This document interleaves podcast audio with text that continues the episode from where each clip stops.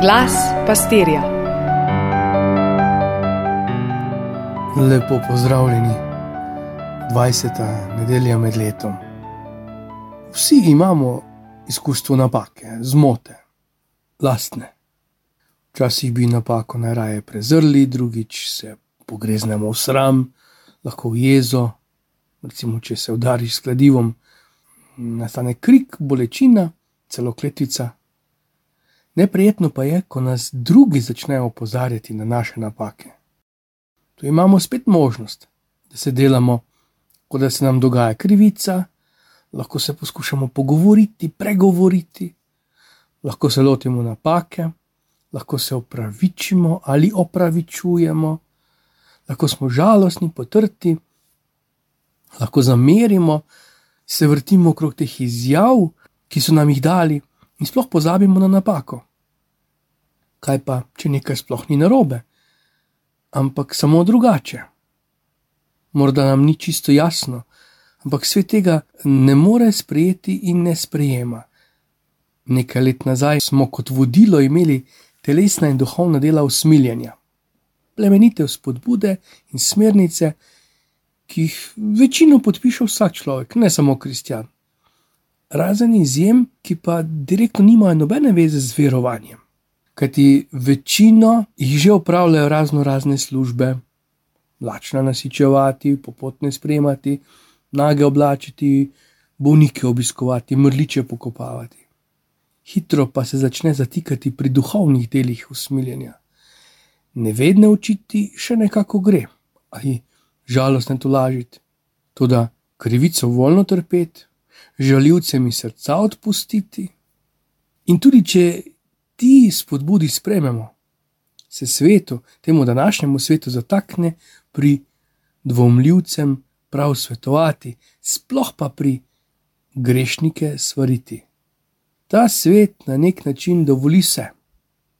Ne samo raznolikost, drugačnost, tudi to, da ni nič narobe, ker je vse relativno in resnice toliko, kot je nas. Torej, če jaz tako mislim, mi ne glede na stvarnost, resničnost, vsi dopustite, da živim v tem prepričanju, da sem breza, morda se bo kdo nasmehnil, ampak imam so pravico, da sem breza z iglicami. Ne morem si kaj, da bi ne pomislil na miselnost sveta, glede na vzgojo o vrednotenju življenja. Pred kratkim je nastal film Kaj je ženska? Moški potuje po vsej Ameriki in izven nje in sprašuje razne mimoidoče in strokovnjake, zdravnike, pedagoge, terapeute, to preprosto vprašanje. In mu skoraj nihče ali ne želi, ali ne zna, ali si ne upa odgovoriti. Ko pa je po eni strani tako preprosto. Vsekakor v tem našem času, ko se uvajajo nove teorije spola, ko želimo vse na novo redefinirati, relativizirati, postane uganka tudi vprašanje resnice in tistega, ki jo podaja. Srečali smo se s prerokom Jeremijem. Po značaju ni voditelj, ni revolucionar, ni tisti, ki bi sam po sebi dajal pobude, pa vendar ga Bog izbere in pošlje. Živi v viharnem času Izraela. Po eni strani doživljajo blagostanje, po drugi pa napade okoliških narodov in stisko. Bog mu da besedo in ga pošlje. Če se je na začetku še ubiral, imel razne pomisleke, sta s gospodom kmalo razčistila na skrbi, kot so, kaj bodo pa drugi rekli, ali se me sploh ne bodo poslušali, pa kdo sploh sem jaz, ga je Bog kratko pritisnil. Se bolj bojiš njih kot mene? Kaj če te jaz prestrašim, koga se boš potem bolj bal? In beseda, ki jo prenašaš, ni tvoja, od mene je. No, in je šel. Danes v Berilu srečamo uradnike. In že kar na začetku se takoj zatakne ne gre samo za javno upravo. Ker brez črke ne moremo, tudi ko začnemo prisegati na črko. Kako hitro se zgodi, da slehernik postane biroškrat. Ko srce utrdi in se sklicujem na pravilo. Recimo, v trgovini se nekomu mudi, prosi, če ga spustimo, pa mu zabrusimo, da smo tudi mi morali čakati. ali ko srečamo na cesti nekoga, ki prosi drobiža. Kako hitro najdemo izgovor v srcu, delati naj gre. Ali pa se delam, da ga ne vidim. Ali recimo, ko nekdo pozvoni na vrata, lahko tudi faroška vrata, župnijska vrata, in ga odslovim. Niso uradne ure. Ali zaničljivo govorimo nekom, ki ima drugačne navade. Skratka, birokratizem je bil nevaren nekoč in je danes. Zgovarjali so se oni takrat, da ne išče blaginje za to ljudstvo in govori take besede. Take, kakšne? Če gremo pogledati poglavja pred 38, kaj tako strašnega Jeremija govori? Ja, govori težke besede, pa vendar nič novega.